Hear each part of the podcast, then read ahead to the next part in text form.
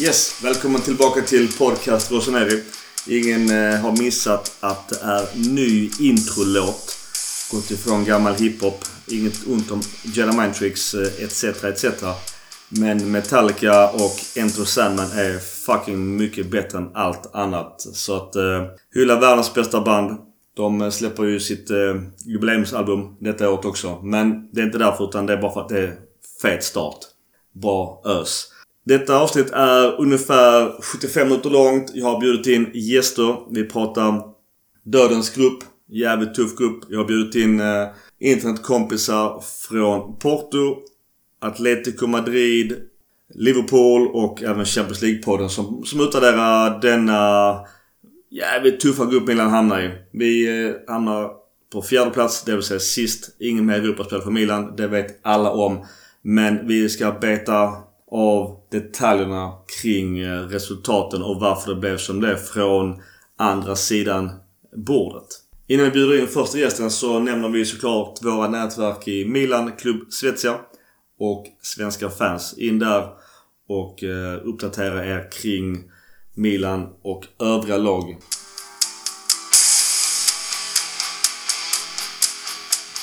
Okej, okay, Porto 1-0 1-1. Vem har vi på luren? Oliver Gustafsson Bologna. Var ju tidigare skribent på Svenska fans kan man väl säga. Eh, för FC Porto och portugisisk fotboll generellt. Det är väl eh, lite kort och gott om mig. det räcker så. Du har, du har full koll på Porto. Vi, eh, vi hoppar rätt in i snacket. Först och främst, ni blir trea i gruppen, det vill säga Europa League-slutspel. Spontana åsikter om resultatet, placeringen och gruppen överlag? Se till på förhand så är det ju de lagen som ska gå vidare. Då tänker jag ju favoriten Liverpool och, och liksom Atletico som nummer två. Men eh, det var ju också dödens grupp kan man väl säga som man lottades in i liksom. Men bortsett från det, alltså hur spelomgångarna har gått, så tycker jag egentligen eh, alla utom Liverpool har varit väldigt undermåliga. Alltså man har underpresterat i nästan varje match. Eh, det är min känsla och det, det delar säkert Milan eh, redaktionen här också baserat på båda matcher. Ju. Men det gör ju också att gruppen blir ju också så pass öppen också. För att det finns liksom ingen solklart tvåa. Men sett till resultatet så, så man får man väl ändå vara nöjd med Porto komma trea kanske. Även om man hade hoppats på betydligt bättre baserat på de förutsättningarna man hade inför den här sista matchen. Jag tycker Porto generellt sett har spelat eh, dåligt faktiskt. Eh, stundtals liksom. Och man får skylla sig själva liksom eh, att man inte sätter sina chanser framförallt. Sen tycker jag också att eh, alltså domarinsatsen under hela gruppspelet har varit också generellt dålig faktiskt. Jag tycker det är lite så här kritiskt att vi, vi har ett val men vi utnyttjar inte det fullt ut. Liksom. Så, och det känner nog säkert Milan-supportrarna också. jo, vi är lite bittra över VAR. Vi, eh, vi kan ju ta, vi hade faktiskt en eh, VAR-situation. Vi kan hoppa rätt in i matchen på Dragao just på tal om VAR. Som vi pratade mycket om ett avsnitt och det var ju eh, Taremi, hans tackling på, jag tror det är Benazer som sen leder fram till Diaz mål. Diaz i sig är en fantastisk spelare och gör båda målen mot Milan både hemma och bortamatchen. Eh, men vad säger du om eh, 1-0 på Dragao? Milan var ju, som du var inne på, undermåliga. Det är ju det är en understatement i den matchen. Vi hade 0-17 expected goals. Port har 1,10 så att ganska svag match överlag. Men vad säger du om matchen Dragao?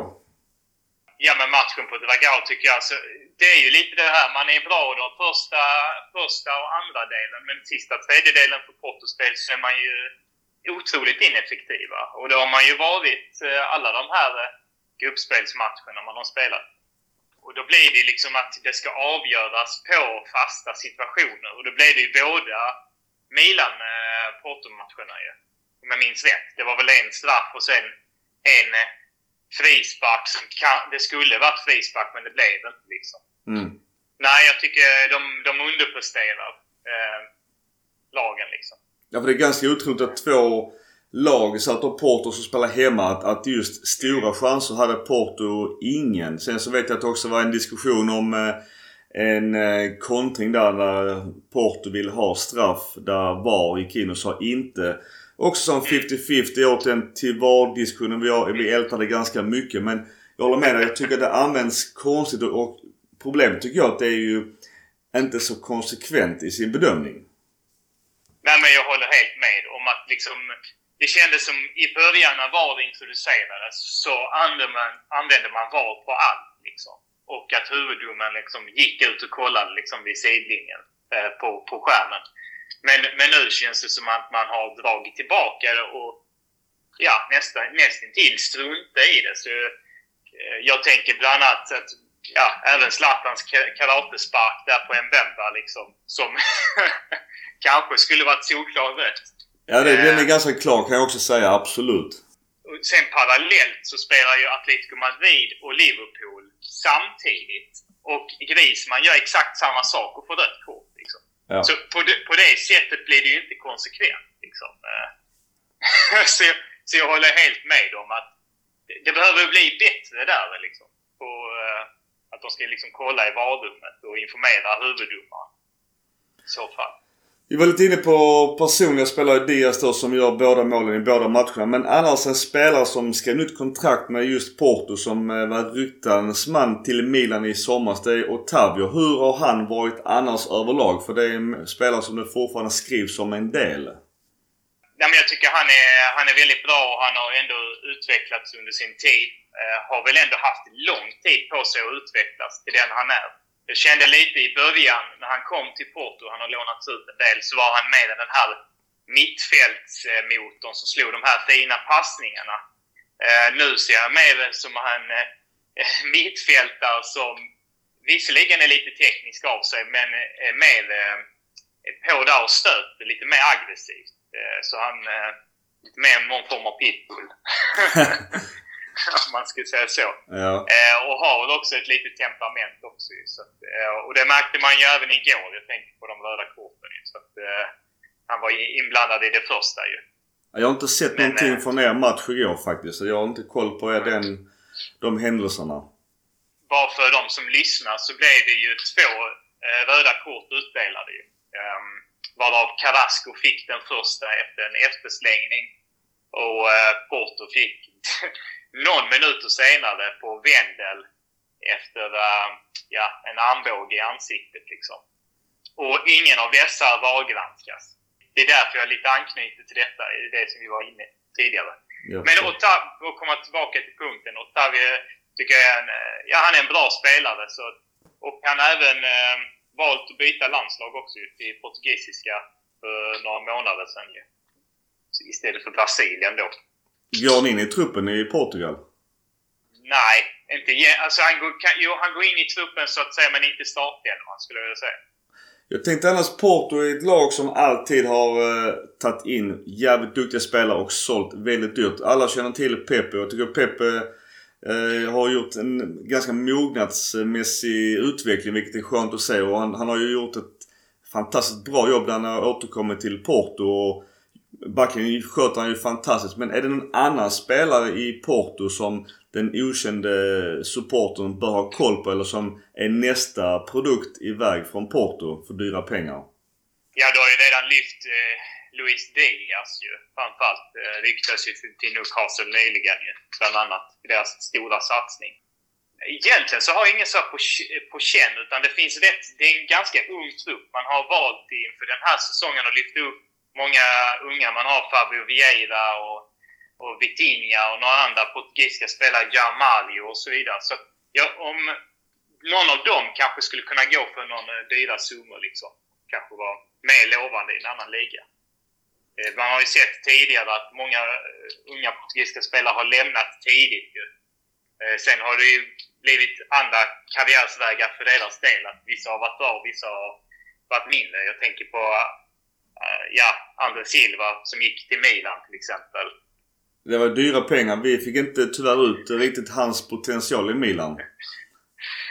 Nej, jag kände också det. Jag har ju en, eh, en vän som hejar på Milan eh, som följer han stadigt ju. Så, eh, Men eh, sen verkar han prestera nu i Bundesliga i alla fall. Absolut. Man, man ser till förra säsongen. Så att, eh, nej, det är konstigt hur de tar de här... Hur de kan vara bra i, i ett sammanhang men mindre i ett annat. Framförallt. Om vi ser på just eh, båda matcherna, vi klumpar lite. Porto har ett eh, squad, alltså ett truppvärde på 266 miljoner euro. Milan har 477 miljoner euro. På truppvärdet i de respektive klubbar speglar ju inte riktigt eh, resultaten med tanke på att Porto gör Milan ganska dåliga i två matcher. Vad har du att säga om matchen på San Siro 1-1? Ja men precis. Ja men det, det är svårt att kunna mäta sig mot de här liksom som har en, en annan form av eh, ek ekonomi liksom. Eh, men jag tror egentligen det Porto är duktiga är på att de kan förvalta sina pengar på rätt sätt och ta in eh, spelare. Sen eh, så har man nog varit ganska kräsen med åren ur ett Porto-perspektiv att man har förväntat sig ännu mer faktiskt. Så det är rätt många Porto-supportrar som är rätt bittra nu eh, över de här resultaten som man ser. Men matchen på Milan och, och mellan Porto så skulle jag säga att ja, man presterar ju bra liksom där. Eh, man ligger, eh, hö, spelar med ett högt presspel liksom, vilket påverkar Milan, ser man ju. För de är kanske inte vana vid det. Sen så tror jag inte den, den matchbilden som Milan gör speglar egentligen det man presterar i ligan, för där har man varit betydligt bättre. Det är min uppfattning. Jag vet inte hur ni känner. Ja, jag med. Jag, jag, jag håller med. Det, Milan känns ju mycket mer stressade i Champions League. Och även om de möter hyfsat hög press ofta ändå i ligan så har de inte hanterat det på samma sätt i någon faktiskt av matcherna i den här dödens grupp. Som också vill säga liksom ja. till många Milan-support som är besvikna idag. Eh, med viss förhoppning att man kanske skulle nå i alla fall en tredjeplats. Att det är ju extremt bra lag. Jag menar, ditt Porto slog ut Juventus så sent som i fjol. Och övriga lag har också varit etablerade Champions League-slutspelet i flera år i rad. Så att eh, det är ju en jävligt tuff grupp. Det, det, kan ju ligga någonting också i att Porto har ju spelat i Champions League. Alltså, jag vet inte hur länge nu. Det är ju länge sedan de inte kom med liksom. Ja. Och det bygger ju också en erfarenhet och någon form av kultur. Sen vet jag att Milan har ju en oerhört stor Champions League-kultur. Men det var ju många år sedan man var med sen sist ju. Alltså till, till man var nu den här säsongen. Jag tänker de spelarna kanske saknade den erfarenheten. Hur det är att spela Champions League. Jag vet inte, det kanske är nerverna som sätts på spel eller någonting annat. ja, jag är med dig. Jag, jag håller med. Det har varit eh, definitivt ett spel som inte har varit samma avslappnade tillvägagångssätt som i ligan. Men jag har tänkt på en annan ja. spelare som också byts in i matchen på San Siro. På tal om unga spelare. Och det är ju Conchi Chao, tränarens son nummer 10. Är, vad, är det någon, alltså är det, är det någon liknande som vi har Maldini eller finns den där stora talangen som en Maldini även i och för sig har så inget ont om honom men att han får nummer 10 var... Alltså jag, jag hajar till helt enkelt. Ja men det har varit väldigt... Eh Eh, Eh, när Francisco kom med i truppen så har det ju varit väldigt kontroversiellt. Han har gjort ett mål i Porto den här säsongen liksom och eh, det var på en straff till och med. Så det har ju legat mycket anspänningar på tränaren. Det blir ju så när det är en sån här far och sonrelation. Och varför ska han få spela liksom när han kanske inte presterar lika bra som man förväntas kanske. Men visst, det är ju tiden utvisa. Jag, jag har svårt att säga om det skulle bli en oerhört lovande. Jag tycker egentligen eh, det är för svårt att bedöma. Jag, jag tycker inte han har presterat baserat på vad han är lovad för. Då har jag sett bättre andra ungdomar liksom. Mm. Om man säger så. Jag vet inte hur det är för eh, Maldinis han, Maldin har ju, han har ju ja. boll i sig men han har inte spelat mm. fotboll på ganska länge just nu av någon konstig anledning. För han, han gjorde bra inhopp tidigare men helt ja. utfryst just nu. Men annars just stats från matchen Milan-Porto 1-1 här. Eh, att eh, stora chanser 1-3. Expected goals 0,63 mot Portos 1,78. Men ändå 1-1. Tycker du Matchen ändå 1-1. Är det resultat som är rättvist eller har Milan lite flyt att de får med sig 1-1 om poäng här? Det är ju lite flyt baserat på, på resultaten. Men det handlar ju precis alltså bollen är ju rund och handlar ju om mål och Porto är ju ineffektiva och kan inte göra det liksom. Och det är ju någonting de har liksom brottats med under hela gruppspelet och det är någonting de brottas med faktiskt i ligan också. Så det är den sista tredjedelen, att man inte är tillräckligt vass. Där eh, skulle Porto behövt eh, betydligt vassa anfallare. Jag skulle säga att vi har inte haft en så tillräckligt vass anfallare sedan Jackson Martinez eh, lämnade. Och då har man ändå haft, alltså varit van vid att man har haft Falcao och, och Lisandro Lopez och andra med mera. Jardel minns jag mest.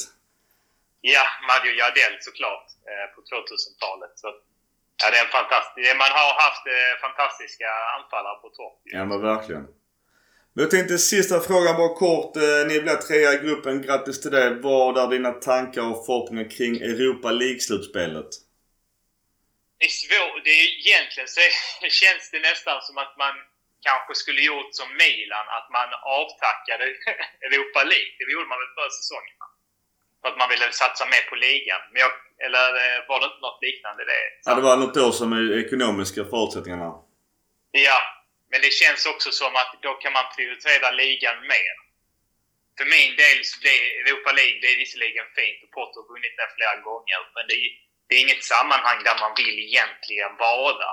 Utan det är liksom bara ett ställe man råkar hamna. Och för, för, för vår klubb liksom. Så att, eh, jag vet inte hur, hur ni känner kring det liksom. Det tar ju rätt mycket och det riskerar ju också skador och så vidare och det kan påverka ligan.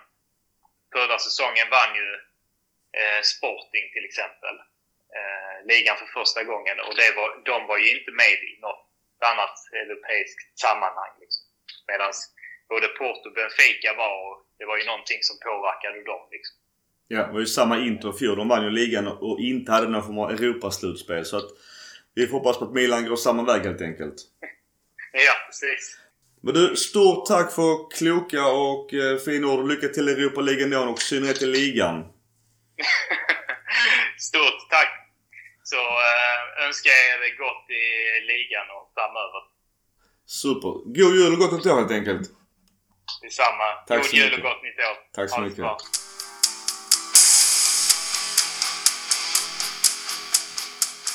Välkommen Marcello från eh, Fotbollskanalen eh, som vi ska prata Atletico Madrid om. Ja, precis. Eh, roligt att vara med. Eh, är det bra med dig? Det är bra tack. Jag, jag tror Marcelo de flesta känner till att du kommenterar på Simor och eh, har full koll på La Liga. Så jag, jag vill, men vill du säga någonting om dig själv ändå, eller räcker det? Ja, nej men alltså. Eh, jag kombinerar väl eh, alltså, kommentering med, med att vara en av panelmedlemmarna i, i Eurotalk på, på Dobb-TV och sen så tränar jag även BP's damlag. Just som numera är hemmahörande i damallsvenskan för första gången i klubbens historia, på damsidan. Stort grattis till eh, det! Ja, tack snälla! Eh, det, det, är fotboll för, för hela slanten för, eh, för mig. Fan, jag, jag avundas lite.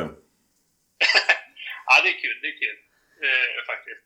Men du Marcelo, vi ska prata Atletico dessa två matcherna och eh, vi hoppar rätt in i matchen på San Siro där Milan gör en fantastisk första 30 minuter, leder rättvist. Sen vänder ju skutan helt efter eh, Kessis två idiotkort. Eh, ja, och, därefter, vad säger du först om första 30, resterande 60 och sen övertiden där? Ja, alltså det känns som att man i i den matchen någonstans fick liksom fick eh, hela Atletico Madrids eh, allt i ett på något sätt. Liksom. Allt från liksom det här det som man har tyckt tidigare har varit ett ramstarkt försvar och liksom att ja, men det är svårt att bryta ner till där de stundtals ser eh, i den matchen då mot, mot eh, Liverpool liksom ihåliga och det ser, ser jobbigt ut. Men sen, all, sen har de alltid liksom den här attityden, de har alltid liksom underhundsmentaliteten och liksom att aldrig ge upp. Liksom. Det har de liksom på något sätt alltid, eh, det kan de, det kan de alltid komma tillbaka till. Eh, oavsett liksom resultat. Och det var väl lite det som, som gjorde sådär. Sen är det klart att de fick, fick lite hjälp med Kessis två gula och, och, och röda och sen en eh, vad det blev sen i slutet då, en, en eh, tveksamt en straff där Luis Suarez eh, avgör i vad det, 90 plus 7. Liksom. Mm. Ja, vi var ju lite bittra såklart i vår podcast just med VAR har ju straffat Milan ganska hårt eh, säger vi som såklart är färgade givetvis. Men jag tycker någonstans om man inte kan ta ett beslut på ett VAR-video på en, två minuter då kan jag tycka att man bör fri, eh, fria en fälla. Ja, nej men det, det, det, finns ju mycket kring det här VAR som är som behöver bli bättre och smidigare och behöver vara snabbare. Jag, jag kommer ihåg den matchen eh, väl. Liksom. Eh, för jag, jag, jag, jag, jag kommenterar den matchen eh, och tycker... Jag kommer ihåg att straffen var ju, var ju kontroversiell eh, och vid de reprisbilderna som jag fick där och då, eh, liksom i, när vi satt i, i hytten och, och kommenterade, så var det för mig, ja men det var ganska tydligt liksom, hans. Ja. Eh, tyckte jag. jag kommer inte ihåg på vilken spelare det ja, var. Kalulu, Kalulu Lemar var det emellan. Ja, exakt. Eh, och sen fanns det ju liksom lite andra bilder som jag fick till mig efter eh, också. Liksom att ja, men den tog nog på en Atletico Madrid hand up och så vidare. Så att det, det kan vi bara villigt erkänna liksom att ja, men, eh, Atletico Madrid kom, kom undan i, i den matchen och, och att det finns liksom lite, lite hål i hela VAR-systemet får man väl ändå säga. Liksom. Inte för att älta VAR och besluten i sig men, men domare har ju haft ganska mycket kontroversiella beslut tidigare. Nu, nu var det länge sedan sen men med Kessis två gula, är rätt eller fel? Eller har du någon åsikt kring det? Eller minns du dem ens? Eh, jag, har, jag har dem inte här på top of my, my, my mind. eh, det, det, ska jag villigt erkänna. Men jag vill, jag vill minnas att den första var väl lite alltså, så här, onödig om jag uttrycker mig så. Liksom att han tog va. Eh, och sen den andra så tycker jag som den, den var kanske klarare. Eh, återigen, svaga minnen liksom. Jag tänker mer liksom, här, om man ska se det ur ett Milan-perspektiv så känner jag någonstans att det här är ändå liksom en, ändå en, en godkänd säsong eh, och Europa eh, framträdande i år. Alltså det är klart att man kan gå tillbaka och minnas liksom Ancelotti och, och liksom Capello och så vidare. Men tittar man liksom på vad Milan är i sitt projekt med liksom de unga spelarna som, som många av spelarna i truppen är oerfarna vad gäller Champions League. Så tycker jag liksom ändå att det var ingen som förväntade sig liksom att de skulle vinna eller kanske liksom gå vidare i gruppen. Utan jag tror att det här var en sjukt bra eh, lärosäsong och, och erfarenhet för de här spelarna för att nästa år kunna liksom eh, komma topp två och gå vidare till slutspelsomgångarna. Mm. Atletico Madrid har ju 2,14 expected goals. Man pratar mycket om och Milan har 0,77. Matchen är såklart helt avgörande efter det röda men Atletico byter väl också in ungefär 2,5 miljarder i spelarvärde. Om man säger så som Milan orkar inte heller stå emot. Det är egentligen bara en tidsfråga. Men om man ser till nästa match i Madrid, om vi, glider över till den matchen. Där Milan eh, skräm, ja, chockartat vinner på eh, eh, Madrids hemmaarena. Vad säger du om den matchen? Milan har ju både liksom mer bollinnehav, skapar fler målchanser. Det är ju lite så här ur ett perspektiv lite ändå alarmerande att, att, att Atletico Madrid inte, på hemmaplan inte kan vinna en, en, eh, en sån match. Sen får man väl ge credden till, till Milan liksom. Eh, men tittar man liksom spelare för spelare så, så tycker jag som i den startelvan så, så är ju Atletico Madrids elva liksom starkare generellt sett. Kronic, Sälemäkis, de, de skrämmer inte. Liksom. Kalolo tycker jag inte heller. Liksom. Men eh, det är väl det som är charmen med, med fotbollen också. Att det spelar ingen roll vilka spelare som är ute på planen. Utan det, det, är fortfarande 11 mot 11 och det ska göra sitt jobb. Liksom. Det är bekymmersamt för, eller jag ska säga, Atletico Madrid eh, är ju liksom Tittar man bara på den här säsongen hur mycket de har investerat i offensiva spelare med Griezmann som har kommit in, med Cunha, Rodrigo de Paul. Eh, alltså de har ju gått lite från den identiteten att liksom, defensiven först. Liksom. Jag tror Diego Simeone är fortfarande lite letande. Liksom. Helst av allt så vill han ju spela liksom, en, en återhållsam fotboll liksom, med sitt 4-4-2 eller 5-3-2 som man har börjat prestera förra året. Med, med liksom att kunna freda sig och, och kunna göra 1-0 och sen totalstänga. Mm. Men i takt med att eh, som klubben har, har gått framåt så mycket senaste tio åren sedan han tillträdde så har det kommit liksom en, en kravbild utifrån att måste spela lite mer attraktivt och så vidare. Jag, jag tror att den är ett litet vägskäl ändå. Ja, för just matchen mot eh, Milan i Champions League hemma så har de ändå Koke, Carrasco, Lemar, De Paul, Lorente, Griezmann och Suarez. Det är extremt mm. anfallsstarkt mm. mittfält. Alltså det känns som balansen är ganska svag. Ja. Även om de möter ett, som ja. du säger på pappret, ett mycket sämre Milan men ändå ja. äger knappt 40% boll. Nej, nej. Och, och, det är det som är... Det är där jag tror liksom att, att han har den stora utmaningen. Liksom. Och, och, plus att, att ha Luis Suarez också i, i laget. Visst, han sköt titeln till laget förra året.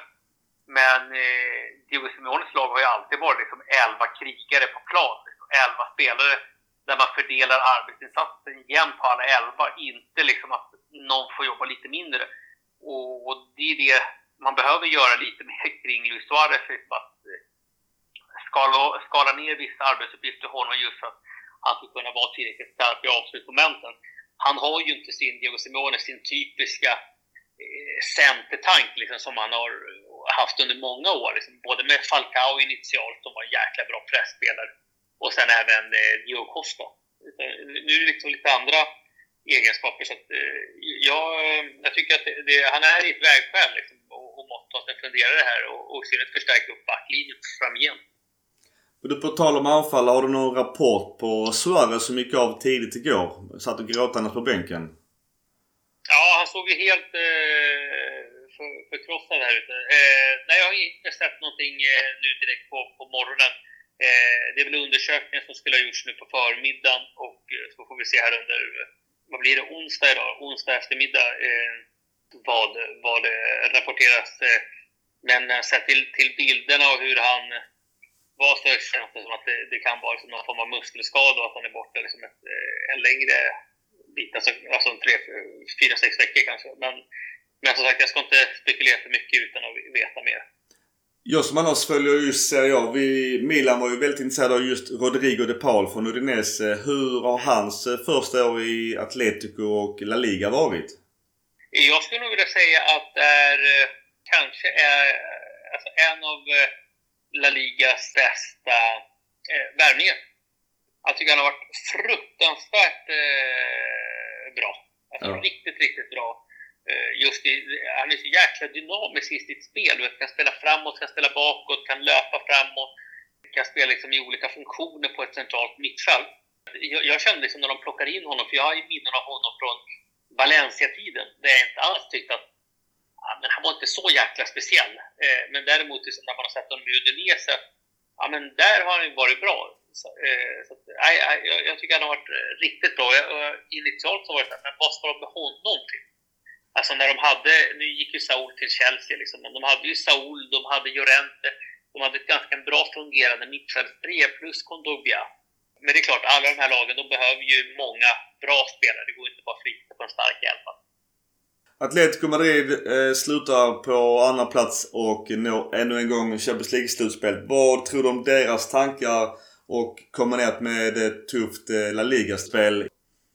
Jag tror att Atletico Madrid kan ta sig till en kvartsfinal. Det tror jag. Sen tror jag att det tar stopp där mot eh, någon av de här stora drakarna just för att de är så pass skickliga på att skapa målchanser. Och det måste verkligen liksom träffa helt rätt om de ska ta sig vidare från en kvartsfinal till till semifinal och sen till, till eh, och kanske liksom sträcka till en final. Liksom. Jag, jag, tycker de är lite obalanserade och eh, jag tycker inte den där backlinjen är tillräckligt bra. Alltså individuellt så är de inte tillräckligt bra och inte kollektivt heller. Det tycker jag inte. Liksom. Så där, där tror jag att de får, eh, får svårt att, att konkurrera hela vägen.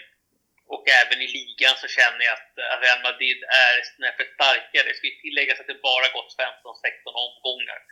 Så det är kanske lite prematurt att dra liksom några större slutsatser, men det, det är i alla fall mina, eh, min ögonblickskänsla, liksom, om jag uttrycker mig så, då, på, på, på deras prestation. prestationer. Jag tycker de har varit på tok för, för ojämna. Sen vet jag att de har en höjd i sig.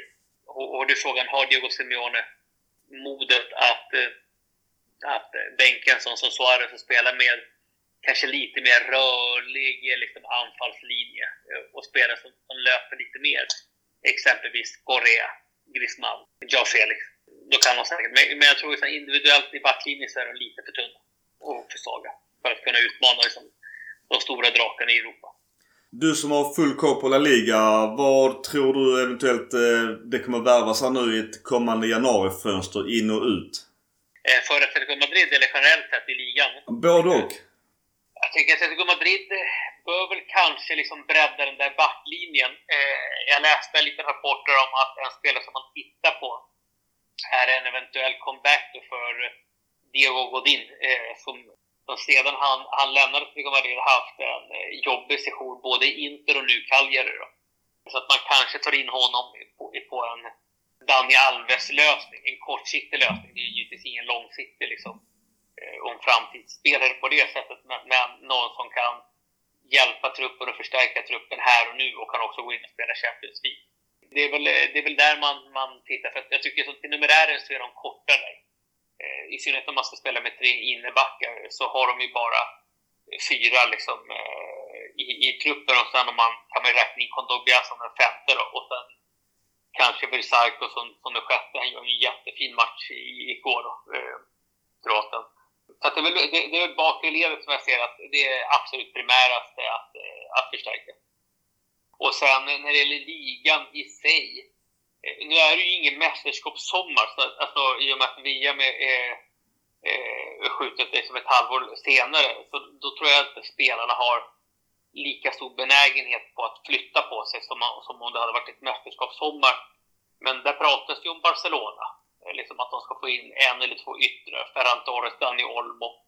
Eh, annars har det varit ganska liksom lugnt i, i övriga lag. Kanske om Valencia ska få in eh, någon pjäs till. Men, men det har inte varit jättemycket liksom, surr om, om värvningar än så länge, även om det inte liksom ligger allt för, för långt borta. Eh, jag kan tänka mig att Villarreal kanske liksom agerar någonting med tanke på hur deras ligasäsong har varit det här långt. Vad tror du om ryktet eh, Hazard till West Ham Hammers? Är den kompatibel? Jag gillar ju ryktet, men jag tänker så här, är den kompatibel ur många sätt? Eh, det ekonomiska, jag tror säkert West Ham har en sån, sån eh, finansiella liksom, muskler att de skulle kunna klara av det. Men har Hazard West Ham i sig, alltså rent prestigemässigt? Ja. Alltså att gå till en lillebror i London och passar han in i, i det spelsättet som David Moyes vill ha, samtidigt en Hazard i form eh, är ju attraktiv för, för alla lag, eh, tänker jag. Även om det var ett tag sedan han var i, i, i riktigt storslagen form. Men eh, den, den känns långsökt, men visst, lite spännande ändå. Du Marcelo, stort tack för din tid och kloka ord och hälsa de eh, dina kollegor som har varit med i podcast Rosenere sedan tidigare. Ja, men tack, eh, tack snälla för att jag fick vara med och eh, lycka till i, i framtiden. Jag håller eh, en liten tumme för, för Milan i, i ligan. Det låter härligt. Det låter härligt. på, på Zlatans eh, närvaro. Ja, vad säger du? Förlåt, jag måste bara ta också. Vad, vad säger du om Zlatan, 40 år? Eh, om hans framtid och tankar kring honom?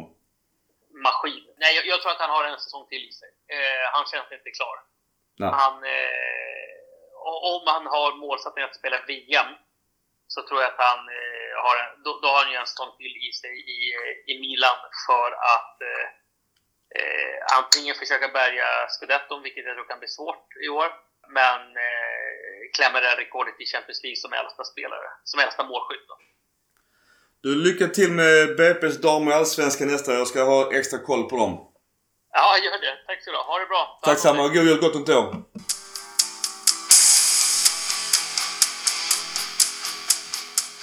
Okej, välkommen Rasmus från eh, redaktion Liverpool på Svenska fans. Stort tack att jag får vara med och ta ner Champions League-gruppspelet här med dig Mikael. Det ska bli hur kul som helst. Ja men tack själv. Jag var ju med i din artikel på Svenska fans om Europakollen så vi har redan dratt det lite en gång. Så för oss blir det repetition men inte för de stackarna som lyssnar på detta. Nej, nej men precis. Och den är ju skriven innan matchen i tisdag. Så nu har vi ju all info, vi vet exakt hur allt gick. Så det går ju lite mer att berätta om känslorna efter det. Ja, och jag hade fel. Jag trodde att det skulle bli en tråkig 1-1 match. För det tippade jag på tipset. Men Liverpool sabbar mitt tips och alla mina pengar. eh, om, om vi tar just den matchen som är ganska färsk. Eh, Liverpool, mm. eh, jag ska också säga det att era backup-spelare är ju helt nya för mig. Men jag tyckte att de var jävligt duktiga. Jag tycker också Liverpool, eller egentligen Milan, får lite skit för att inte vi lyckas slå delar av ett backup-lag. Men de var, de var hungriga och fan duktiga. Vad, vad säger du om dem och själva matchen i sig?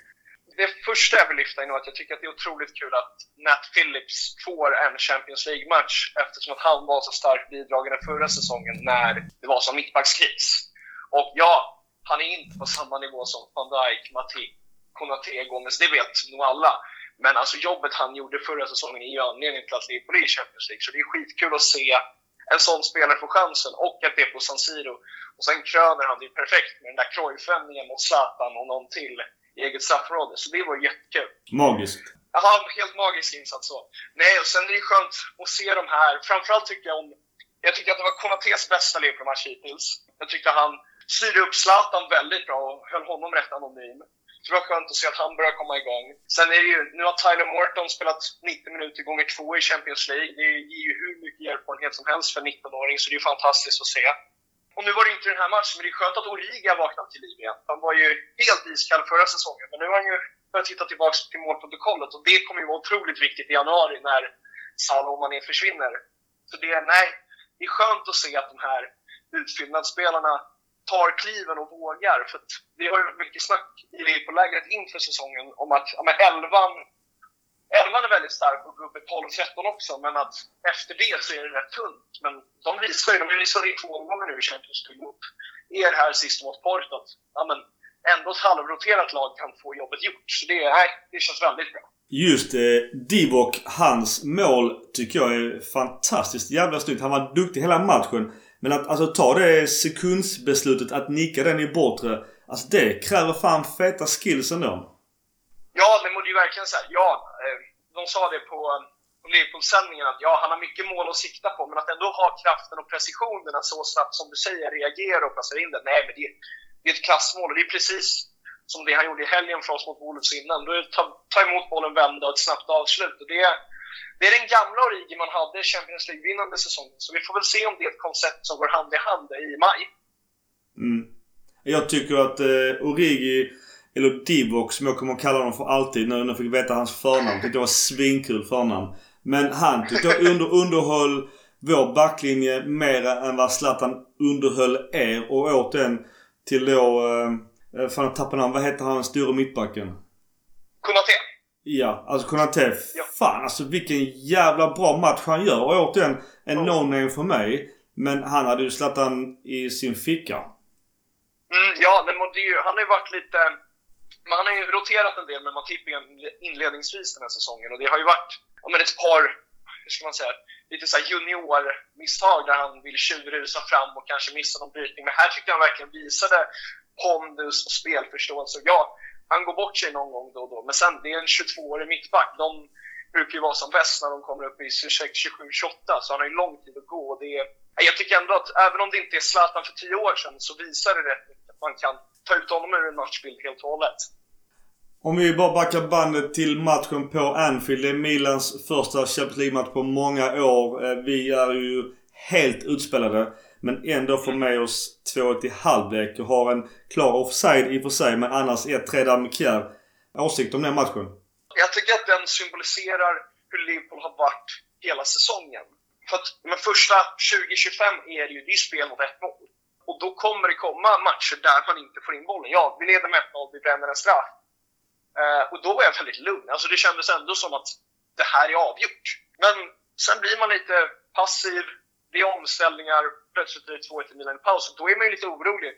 Men där finns det ju någon styrka som är jävligt viktig att ha, att man kan hämta igen och sen vända en sån match. Eh, och inte bara tappa huvudet. Jag, jag var dock imponerad av Milan, det ska jag säga. Jag tycker att Theo Hernandez gör en jättematch, jag tycker att Rafael Leao, men den jag tycker var bäst var nog eh, Brian Diaz. Han var jag mäkta imponerad av där. Tyckte inte han kom ut lika bra eh, i förrgår. Men där tycker jag det är en spelare som ni har hittat som ni ska hålla hårt i. Ja, dyrt lån med eventuell eh, option från Real Madrid. Han var ju totalt mm. misslyckad i, i City men det Premier League kanske inte passar eh, den lille spelaren. Nej, nej men precis. Jag tycker att han... Men det känns som att han har en friare roll i Milan än men vad man kanske är van att ha på ett, så här, en ytter inom mittfältsposition. Jag tycker att med boll i matchen på Anfield så var, kändes han farlig hela tiden. Mm. Och är väl, han är väl inte jättegammal heller, måste väl vara så 22-23 typ. Ja, exakt, exakt. Sen är det ju som du säger att Liverpool som har spelat Champions League år efter år nu i ja, nu är det väl ändå fyra år under Klopp och varit i två finaler. Man ska ju vinna en sån match. Så, ja. Liverpool är också det laget i gruppen som eh, har ju störst truppvärde på 867 miljoner euro. Klart eh, före det sen Atletico på 748. Milan har 477. Porto har 266. Så det, det är väl någonstans speglar väl också gruppens resultat. Men överlag, vad tror du om Liverpools chanser framöver i ett Champions League? Och dubbelfråga. Kommer Liverpool värva någonting i januari tror du? Om vi börjar med januarifrågan så tror jag nej nu. Eh, hade Origi inte hittat den här formtoppen som han verkar ha nu, hade han nog letat. Sen tror jag mycket också beror på hur lång tid det tar för Firmino att tillbaka från sin skada här. men jag tror så här, jag tror att man kommer värva något. Dels är det inte helt klart än hur länge Mané och Sal blir borta. Eh, man försöker ju få skydda dem mästerskapen. Och sen om Firmino hinner bli helt till så tror jag inte att Klopp har något emot att spela honom, Jota och eh, Divock Origi i de matcherna de eventuellt är borta. Framförallt inte eftersom att Origi har börjat hitta form nu. Eh, så jag tror inte på någon januarivärvning, men man vet aldrig. Och sen din andra fråga angående Champions League där, så alltså jag tycker att Liverpool är enligt mig ett bättre lag än ett ligalag. Jag har svårt att se oss utmana City över 38 matcher, men Chelsea hävdar att vi kan slå alla lag över två matcher.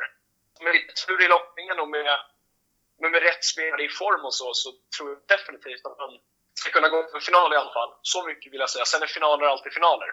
Mm. Har du någon, eh, någon favoritmotståndare i slutspelet här direkt eller något lag du inte vill eh, möta? PSG vill man inte ha. Det är inte för att jag är speciellt imponerad av dem, men det är ju för att det är ändå PSG med Messi, Neymar och Mbappé. Mm. Det känns som att någon gång måste de få en vicka där. Favoritmotståndaren på pappret måste ju ändå vara Salt, som jag är imponerad av, men de spelar väldigt öppen fotboll och väldigt anfallsinriktad fotboll. Och det är en matchbild som Liverpool gillar och Liverpool gärna utnyttjar. Så det skulle jag vilja säga är det optimala i första rundan. Annars, just matcherna mot Milan i gruppspelet här. Eh, finns det något annat du, du la märke till eller som du vill alltså, ta med dig från gruppen vidare? Liverpool har sett ut defensivt. Det är ju, som vi sa, Milan har två, tre anfall i matchen på Anfield och gör, gör två mål. Det är lite svajigt defensivt stundtals. Det känns som att de inte riktigt är påkopplade. Jag tycker att man har sett samma sak i ligan. Nu senast mot Everton så leder man med 2-0. Är helt överlägsen och sen är det inkast på mittplan och sen helt plötsligt är det 2-1 för att fyra spelare missar en brytning. Och det känns som att de ibland slappnar av lite för mycket. Så den defensiva sidan tror jag fortfarande kan gå upp ett, två hack. Och det bådar egentligen bara gott eh, med tanke på hur mycket mål vi gör just nu. Sen just ur ja, Liverpool-Milan-perspektiv så var det ju det var otroligt kul att se Liverpool-Milan i en så här viktig match. För jag, jag var lite för ung för att komma ihåg matchen 05 och 07. Man har ju sett dem i efterhand, men det får ju en historisk kontext som är väldigt rolig. Mm. Eh, och det är ett lag jag tycker ska vara i Champions League. Ja. Du, på tal om Champions League 05. Det är ju ett tufft minne på, på många sätt. Men mm. du får kolla med dina kollegor på Svenska fans om ni kan ta bort min livslånga ban i ert forum så man kan börja skriva fotboll mer där. Okej, okay, det, det, ska jag kunna göra. Nej, jag vet inte. Jag var väl ung och dum och ganska frustrerad efter den matchen av förklarliga skäl. Jag förstår det. Jag dock medge att varje gång jag ser highlights eller den matchen i repris är det rätt mycket lycka jag får. Men jag kan förstå frustrationen från din sida. Ja, det, Milan hade, om man säger expected goals så känns det som att Milan hade så 10 mot 1. Och ändå blev det 3-3 ja. och sen så vet alla straffarna. Men det, det, är en, det är en skön historia för er i alla fall, får man väl säga. Ja, ett av de kanske bästa uppsättningarna av ett klubblag man har sett. Den elvan är ruggigt bra. Ja, fy fan. Men du Rasmus, stort tack för kloka ord och fortsätt göra ett bra jobb på Svenska fans där vi är nätverkskollegor. Stort tack att jag fick vara med. Jättekul och eh, lycka till eh, fortsatta säsongen och så hoppas jag att vi möts i Champions League nästa år igen. Ja, precis. Du Rasmus, har du någon Twitter eller något liknande privat eller, eller fotbollstwitter? Eh, det har jag. jag äh, Rasmus Hjortling. Om man vill följa ditt Twitter om man är Liverpool-supporter, hur stavar du det så att inte någon missar det? Rasmus som vanligt och sen Hjortling som djuret. Så H-J-O-R-T-L-I-N-G. Super. Rasmus, god jul och gott nytt år och lycka till i ligan och Champions League. Tack detsamma. Du får det bra nu. Samma. Ciao. Ciao.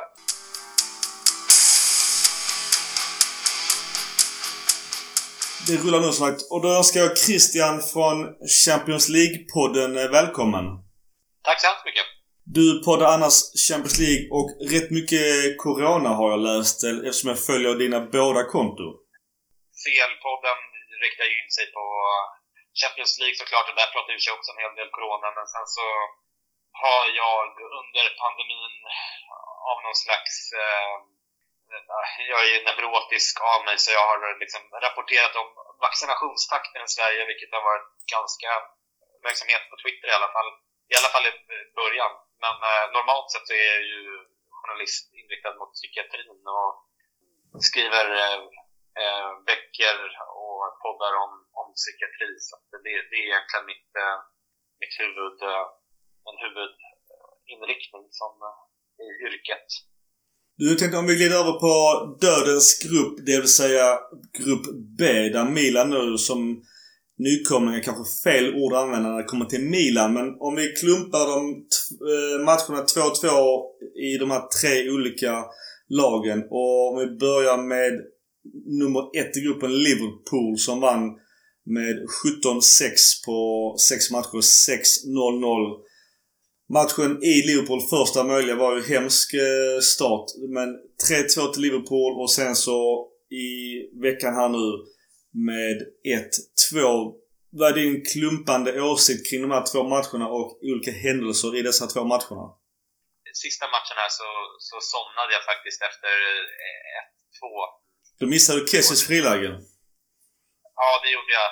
Det kändes som att loppet var över ändå. Så att, eh, andra matchen var ju i alla fall klart bättre och jag tycker väl att man såg en ganska tydlig framåtrörelse genom gruppen generellt. Alltså, efter de första tre matcherna som alla var förluster så kände jag ju nästan att liksom, det, det vore lika bra om vi bara åkte ur eh, både Champions League och Europa League för att det, det var liksom eh, lite pinsamt nästan. Men sen så har det ju ändå blivit bättre och matchen mot Liverpool nu, det, det jag såg, de 60 minuter jag såg var i alla fall klart bättre.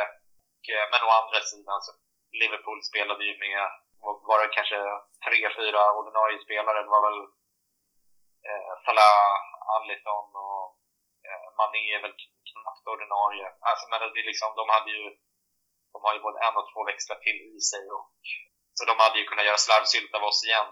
Och i första matchen så, den, den tyckte jag var direkt pinsam. I alla fall första halvlek, även om vi går till till halvtidsvila som av ett mirakel med, med 2-1 ledning så var det ju liksom det var lite som att se juniorer mot, mot herrar spela. Och, och, det var inte alls vad jag hade, hade hoppats på och förväntat mig. Det är klart att Liverpool är kanske liksom bästa laget, eller topp två, topp tre bästa lagen i hela världen. Så jag förstod ju att de skulle vara bättre än oss, men uh, att skillnaden var så stor, det, det var ändå lite obehaglig väckarklocka tycker jag. Det var jobbigt att se första halvlek. Som du säger, det var faktiskt jättejobbigt. Vi kom ju knappt över halvplan. Och just eh, ja. Leao och eh, Teo på vänsterkanten hade ju fantastiska kombinationsspel och helt plötsligt vips 1-2. Men det var ju inte rättvist någonstans. Precis, och jag tycker också att det var tydligt att eh, spelare som vi liksom normalt sett alltså i, i Serie A ser som liksom lite stjärnor och som Eh, alltså det är, det är svårt när man inte har spelat i Champions League på så lång tid och, liksom, och, och värdera hur, alltså exakt hur bra de här spelarna är. Visst, det är klart att eh, Theo till exempel, nu har han fått uh, spela vänsterback i franska landslaget. Det säger ju någonting om hans kvaliteter liksom. Men uh, överlag så, så blev man ju liksom lite så här, tagen på sängen av hur, hur liksom ordinära våra, våra, även våra stjärnspelare såg ut i, i bättre konkurrens Alltså, Kefi var ju kanske när, närmast övertydligt.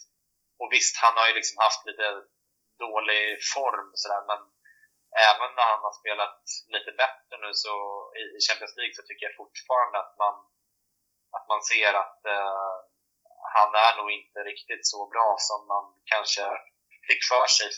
Framförallt förra säsongen när han gjorde var det 13 mål eller något i den stilen. Så det var nedslående måste jag säga inte spelade för Liverpool. Det var ju nästan ett B-lag och dessutom så har de hade ju egentligen ingenting att spela för. Så att hade, det, hade de haft kniven mot strupen och ett ordinarie lag så hade ju de kunnat vinna med säkert 3-0.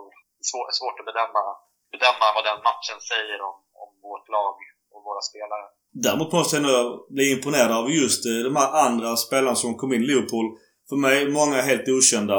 Men visst, ja. de är ju uppenbarligen hungriga och vill visa upp sig. Så det är nästan värre att de kanske har ställt dit eh, bästa laget, ganska omotiverade, än hungriga spelare som vill visa upp sig som är namnfattiga på så vis.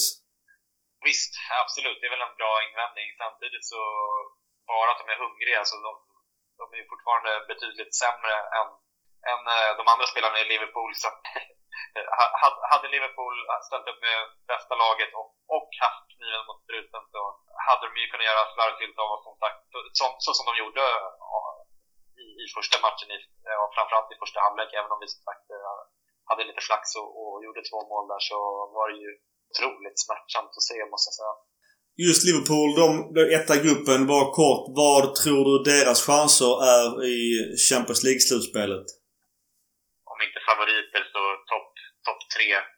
De är väl lite mer eh, sårbara för skador kanske än, än andra lag som kanske framförallt City men, men även eh, ja, men Chelsea har ju också en bred trupp och Bayern München och till och med Real Madrid har väl också en, en ganska bred trupp även om den inte är lika vass som tidigare så om vi glider över på andra platslaget, det vill säga Atletico Madrid som eh, får 7 poäng och med 7-8 i målskillnad, vilket är ganska besvikelse i sig. Men första matchen 1-2 till Atletico och andra matchen vinner Milan chockartat med 1-0. Men om vi tar första matchen där. Den, det känns som den är i tre delar från när vi pratade om den i vår podcast. Det vill säga första halvtimmen.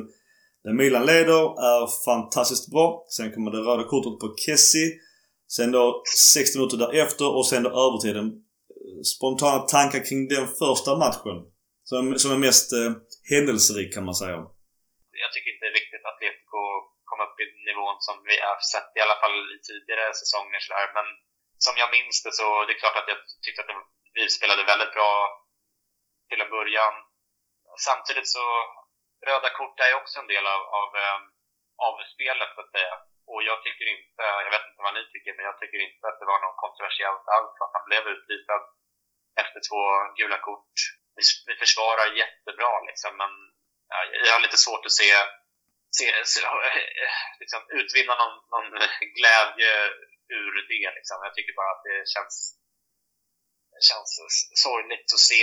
Men eh, det, det, jo, det, det, är klart, jag låter kanske jätte, jätte negativ, men det, det är klart att det fanns positiva saker att hämta ur den matchen och man kände väl ändå att de äh, återupprättade lite heder från, från eh, första matchen. Men, eh, men som sagt, röda kort är också en del av, av spelet och en del av liksom, bedömningen man måste göra på hur bra ett lag var en match så måste man ju räkna med att de tog ett rött kort också som, som ett stort misstag. Liksom. Så det hade väl varit kanske mer rättvist med ett kryss men, men eh, det var inte helt uppåt väggarna att vi förlorade heller. Så det, det fanns bra tecken, men, men jag tycker inte att det var konstigt att vi förlorade. Och noll poäng på två matcher och, och det kan man ju aldrig vara nöjd med liksom. Det vi pratade om just i den matchen, det var väl att hans första gula kort Alltså båda två är ju onödiga.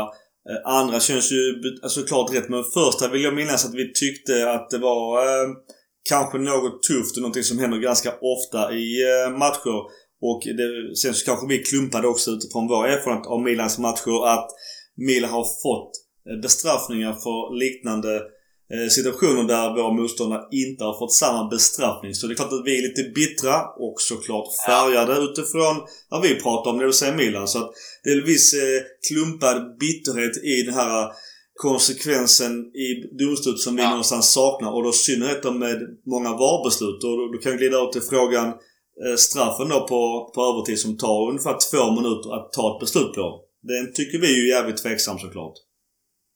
Ja, det var väl... Eh, det var en hand där, eller hur var det? Ja, det, Lemar och Kalulu de går ihop.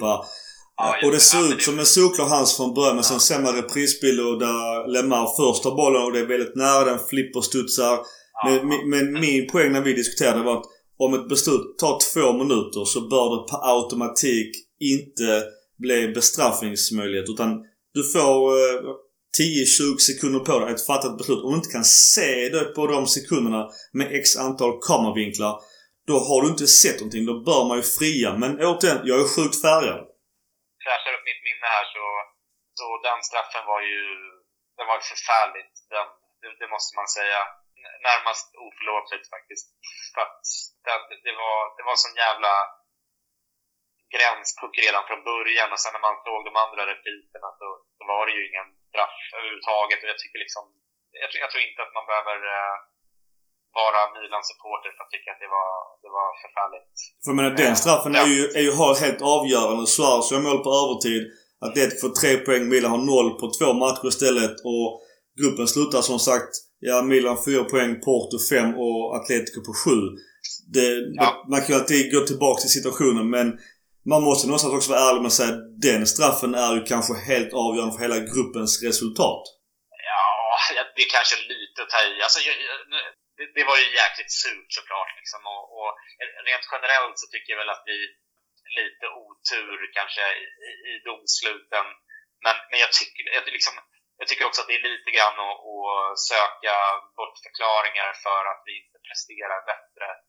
Det där är sånt som händer och det är sånt som jämnar ut sig, kanske inte på en säsong, men på, på fler säsonger. Eh, och det, det, var jävligt, det var jävligt surt, men, men eh, jag, tycker, jag tycker inte riktigt om att, att hitta bortförklaringar på, på det sättet. Ehm, även om jag förstår ditt argument där också, så ja, ja. Jag tror inte att det hade varit omöjligt att Atletico hade lyckats peta in ett mål på övertid, även om de inte fått den här straffen. Eh, och, och jag tycker liksom totalt sett så tycker jag inte att vi förtjänar att gå vidare från den här gruppen, eh, även om det där alltså, det, det blir väldigt hypotetiskt att föreställa sig hur gruppen skulle varit eh, om vi inte hade fått den här straffen emot oss. Det blir jätte, jättehypotetiskt resonemang. Alltså, det, det, var, det var ett jättesurt eh, misstag och det var av domaren och, och jätte, jätte tråkigt liksom. Men, men jag tycker liksom inte att vår, vår prestation totalt sett i Champions League var, var bra nog för att eh, gå vidare till slutspel och jag, har inga större invändningar mot, mot uh, hur det gick i gruppen. Liksom. Någon uh, tackling på Tonali också som jag... Ja, det, det, det, var ju Porto då just... Uh, just det. Taremi. Ja, men, Ja, ja. Det, det, är också väldigt tveksam. Eh, också det, det, är små marginaler. Nu, nu återigen, om, om vi bara klumpar det överlag här, vi hoppar lite i det. Men just eh, varken Porto där, egentligen ingen av de två matcherna är ju Milan egentligen bättre. Eh, nu, nu, har vi liksom, vi, vi gör ett mål på, på två matcher mot Porto. De är jävligt bra defensiva. Men det är också så. Det är en detalj som blir lite avgörande och såklart vi sitter och ältar det i vår podcast så vi är rödsvarta. Men jag säger, och jag håller också med dig. Är vi värda att gå vidare från gruppen? Nej, jag tycker inte heller det. Eh, är jag bitter för att det är två väldigt eh, avgörande mål? Ja, det måste jag ändå säga att jag är. Om det sen påverkar det överlag. Det som du säger, det är som är det sköna med podcast. Att man kan vända vidare på alla stenar tio varv och ändå har kloka argument på båda hållen.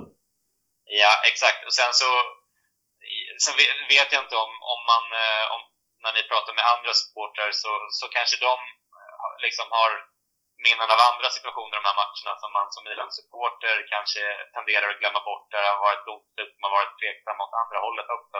Mm. Just, just de här två som vi nämner nu, de, de känns i och för sig ganska graverande för domaren men, men jag kan inte svära på att jag inte om jag skulle se om matcherna att jag inte skulle hitta domslut där vi hade lite tur också. Ja, det är ju Zlatans eh, karatspark när jag pratade med Porto kompisen här som är på att det blev gult ja. Griezmann fick ju rött för samma sak. Så det är klart att det ja. finns ju fördelar till Milan också. Mm. Men jag tänkte, om vi hoppar tillbaka till Atletico. Vad säger du om chockvinsten eh, i Madrid där Messias Junior gör, eh, går från liksom leverera bud till avgörande Champions League-match i Madrid på några år? Väldigt härligt. Alltså, Atletico borta, det är ju en, eh, en av de, normalt sett i alla fall, en av de svåraste matcherna man kan spela i Champions League.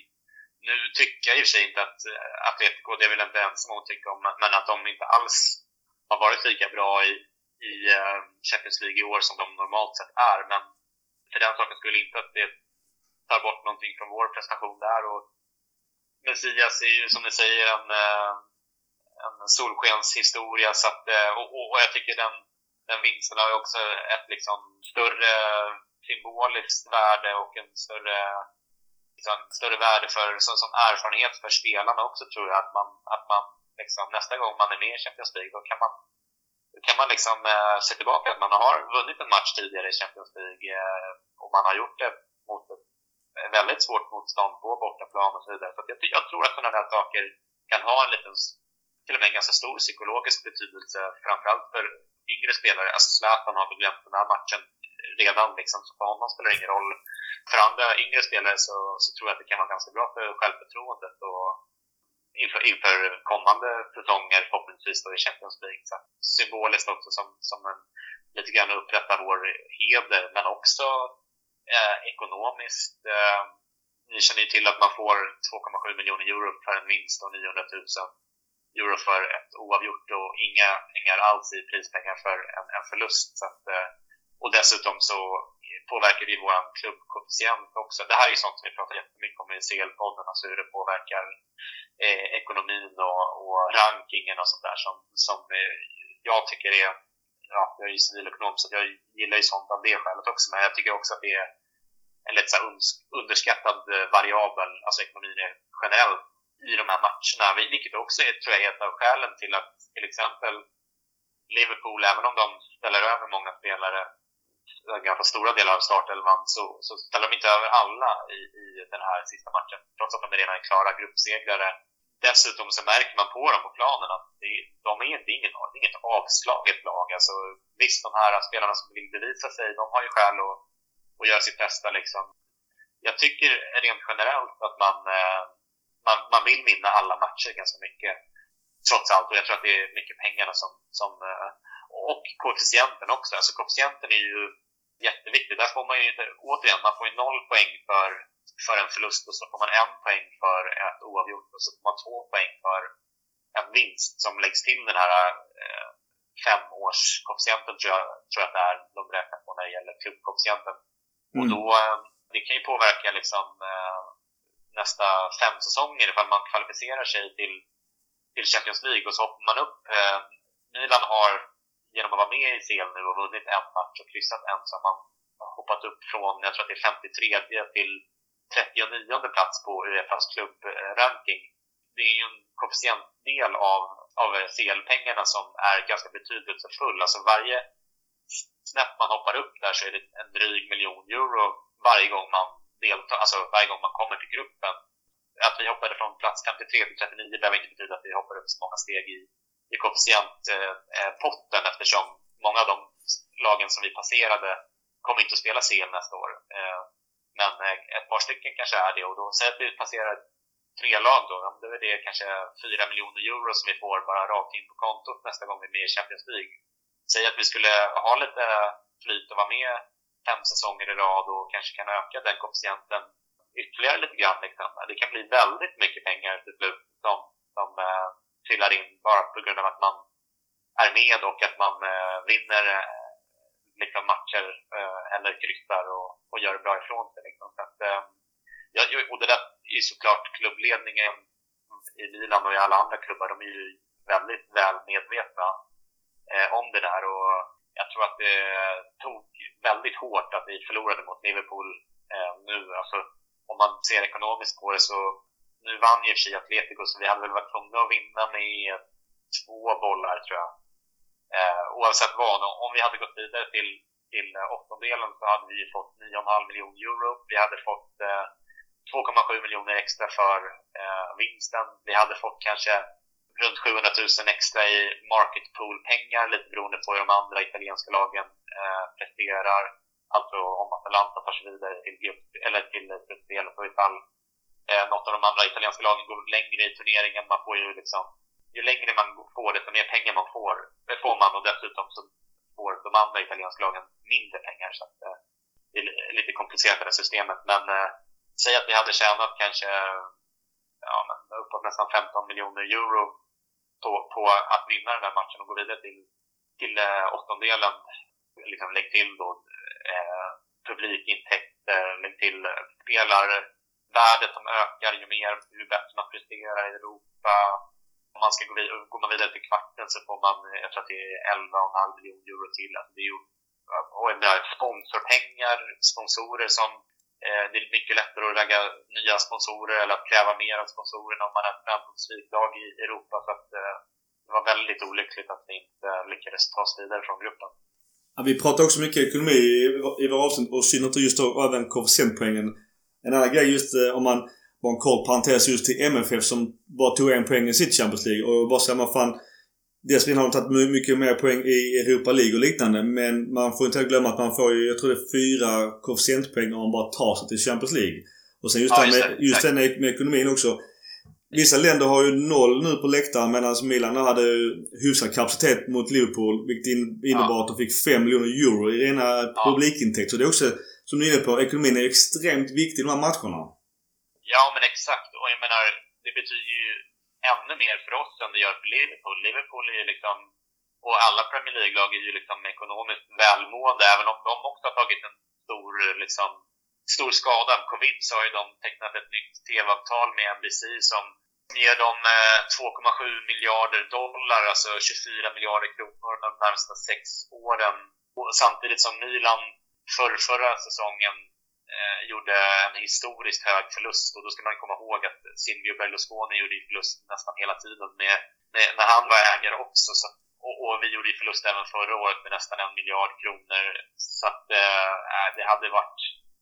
Alltså det, hade, det kan mycket väl vara skillnaden på att vi lyckas kanske nå, gå några miljoner plus om vi hade tagit oss vidare ett eller två steg till. Eh, eller att vi går, ja, vi kanske går minus i vilket fall som helst. Men vi har ju ändå halverat våra förluster på, på, från för, förra säsongen till förra säsongen och nu har vi dessutom publik och har fått in de här felpengarna som vi får ändå. Så att eh, de, den där förlusten kan, kan eh, visa sig väldigt eh, betydelsefull. Med det sagt så är ju ändå, alltså vi, vi är väldigt mycket på rätt väg, även ekonomiskt, men ur alla avseenden under Maldini Matara. Så att jag tycker liksom, jag hör ju hur negativ det låter, men eh, i själva verket så är jag ju väldigt positiv till utvecklingen i Milan och jag tycker att eh, för första gången på evigheter så känns det som ett lag som man kan verkligen identifiera sig med och som, som gör en glad att kolla på Milans matcher och eh, som gör att man har hopp om framtiden och, nej, och, med Maldini där också som favoritspelare.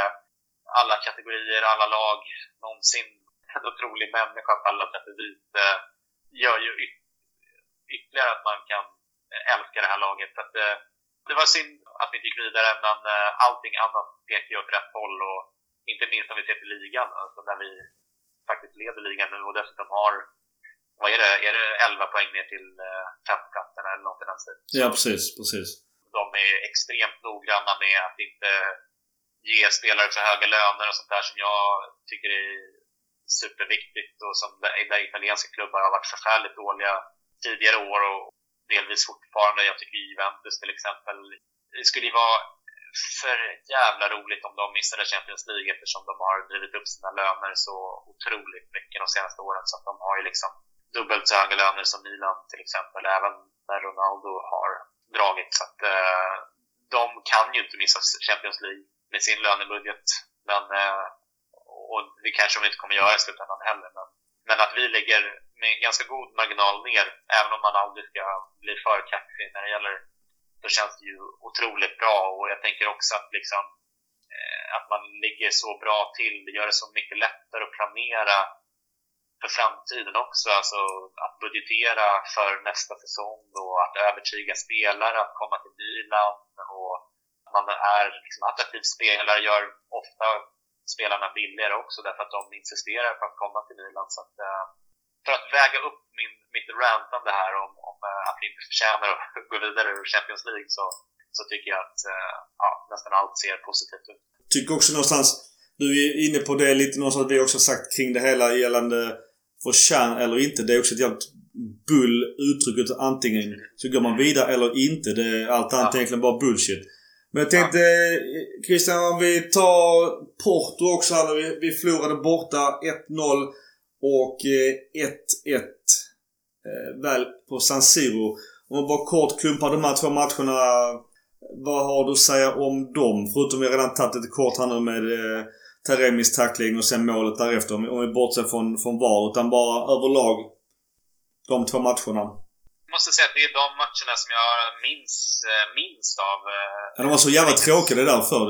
Ingen, minns det för de är så jävla, var så jävla tråkiga de två matcherna. Exakt, exakt. Men det är väl lite grann eh, Portos affärsidé också att vara så sjukt tråkiga och spela så fult och så spelförstörande och de har väl kallats ibland för Atletico Light och det tycker jag är väl ett ganska bra uttryck. Och, um, det lilla jag kommer ihåg är väl kanske att vi hade lite oflyt när det gäller domsluten men på det stora hela så tycker jag väl ändå att eh, de är ungefär i nivå med Milan, tycker jag, kvalitetsmässigt. Alltså de, jag tycker ändå att de märker att de har mer erfarenhet av Europaspel än, än vi har med det här laget det, det är ett jäkligt bra lag. Alltså det, vi hade jävligt otur i lottningen, det måste man ändå säga. Alltså det, och det är klart att Milan för tio år sedan hade tagit sig vidare ändå, även med dålig lottning. Men uh, lite, lite surt. Nu var vi ändå hyfsat nära att gå vidare. Sjuka ändå de här eh, erfarna lagen att trots att alla tänkte så, fan vad jobbigt för Milan så, från pott 4 men ändå sluta tabellen eller gruppen precis så som 9 av 10 har tippat. Det är ganska sjukt ändå i slutändan. Ja, verkligen. Men jag tänkte Christian, eh, vad tar du med dig från eh, Champions League-gruppen till din eh, podcast eh, i nästa avsnitt? Jag vet inte om vi kommer prata så mycket om, om eh, gruppen. Alltså, CL-podden kom ju ut liksom eh, ungefär lika ofta som Haleys komet visar sig på himlen. Men brukar faktiskt inte prata så mycket om, om resultaten och sådär, utan vi brukar väl ta liksom lite vinnare och förlorare rent generellt bland eh, topplagen i Europa och, och eh, liksom lite trender upp och ner, vad vi tycker liksom, eh, har varit bra och dåligt. Och där kan man väl säga att eh, alltså Liverpool eh, imponerar ju enormt. Alltså, det är ju det första engelska laget som har vunnit alla sex matcher i gruppspelet eh, någonsin. Det är ju, bara det är ju jävligt imponerande och nästan lite oväntat. Man tänker ju att City kanske borde ha gjort det någon gång eftersom de ofta är så himla överlägsna och eftersom de också ofta får en ganska enkel lottning av, av eh, något skäl. Så att, eh, nej, jag tycker de, de var väldigt imponerande. Jag tycker Atletico var väldigt eh, mycket sämre än jag hade trott Å andra sidan, de tar sig vidare till slutspel för, eh, jag tror att det är åttonde gången under Simeone eller något i den stilen.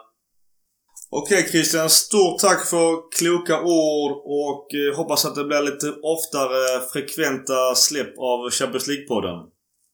Ja, det finns ingenting som, som talar för det, men tack ändå och eh, tusen tack för att eh, jag fick vara med och vill ha med mig igen så är det bara att höra av er anytime. Absolut, det, det gör vi jättegärna. Och det, detsamma åt ditt håll såklart. Eh, men Christian, god jul och gott nytt år! God jul och gott nytt år. Ha det gott! Samma. Tack så mycket! Hej! Okej, det var sista samtalet. Fantastiska gäster. Sjukt bra snack. Och eh, jag vill passa på att tacka alla ytterligare en gång. Svinkul att snacka med nya människor som vanligt.